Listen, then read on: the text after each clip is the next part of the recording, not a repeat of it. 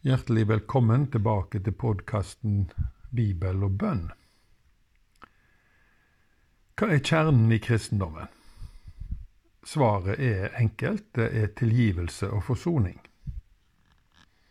Gud står med åpne armer og tar imot alle mennesker som snur seg vekk ifra syndene sine for å være sammen med Han. Ingen kan leve i synd og samtidig leve med Gud. Det er helt umulig. Det blir et valg mellom Gud og synder. Hva er synd?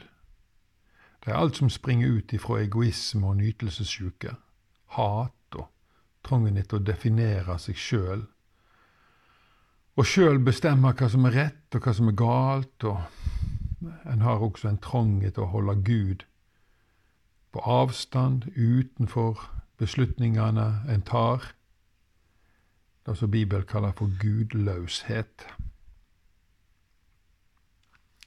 Ellers så vil jeg jo nevne alle typer for vold og baktalelse, hissighet, hardhet, bedrageri, løgn, sex før ekteskap, sex utenfor ekteskap, likekjønna sex, arroganse, sjølgodhet og alt som ellers starter med prefikset sjøl. Når vi gir Gud rett, og når vi bøyer oss for Han, da står Han der med åpne armer og sier, Kjære, gode barn, for Jesus skyld tilgir jeg deg all din synd. Og jeg favner deg og omslutter deg med min tilgivelse og med min godhet. Du får del i alt det jeg er og har. Jesus Kristus har betalt for deg, sønnen min, og du trenger ikke frykte for min dom over livet ditt, for den har Jesus alt gjort soning for. Nå venter et fantastisk liv som mitt barn og medarbeider. Og jeg vil fylle deg med min kraft og min kjærlighet og jeg vil lyse for verden gjennom livet ditt. Å, hvor jeg elsker deg. Dette heter forsoning. To som før var fiender, blir venner. To som før sto imot hverandre, slutta fred og starta på et fantastisk samliv. Det er forsoning. Men forsoning er ikke bare aktuelt i starten av kristenlivet. Hele kristenlivet handler om forsoning. Det handler om å holde seg til Gud, daglig sanne syndene sine. Og det handler om å opprettholde et godt forhold til våre medmennesker. Og dersom noen har gjort oss urett, tilgir vi dem så fort som de ber oss om det. Og så møter vi vår neste med samme holdning som Gud møter oss med. Og her må jeg presisere forsoning er mye mer enn å ikke gi skyld eller å se bort fra det som har skjedd, og ikke holde ting opp mot hverandre. Nei, det handler om å gå videre sammen i gjensidig kjærlighet. Det er ikke bare å legge til side en negativ relasjon, men det er å etablere en positiv relasjon. Så radikalt er dette. Så skal vi ha litt bønn i dag.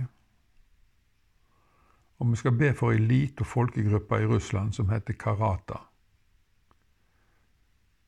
De er bare 6700 mennesker. det er det. Og så bor de i Kaukasus. Der er det jo så utrolig mange folkeslag. Så snakker mange ulike språk, iallfall 16. Og kanskje mer enn det òg. Ja, jeg tror det er mer enn det. Karata bor i provinsen Dagestan. Og de er muslimer og praktiserer det vi kan kalle for folkeislam. Disse menneskene er stolte, og de vil ikke ha noe av at noen kommer og forteller dem hvordan de skal leve. Om så det er russere eller om det er islamister. Begge disse har prøvd. Men nå skal vi be for karata-folket. Herre Jesus, vi ber i dag om at du gjennom forkynnelsen av evangeliet skal gjøre ditt krav på dette folket gjeldende. Og om de ikke vil høre på noen andre, så la de likevel høre på deg, bøye seg under deg, slik at de kan ta imot din nåde og bli forvandla av Den hellige ande. Amen. Ytterst i Lofoten finner vi den lille øykommunen Røst. Der er det 498 mennesker som bor. Fordelt på 10 kvadratkilometer. Ikke kvadratmeter, det skulle tatt seg ut. Røst har en vill og vakker natur. Og folka der driver stort sett med fiskeri. Den lille øykommunen har òg ganske stor kirke med plass til nesten 300 mennesker, og det er jo mer enn halvparten av alle som bor der.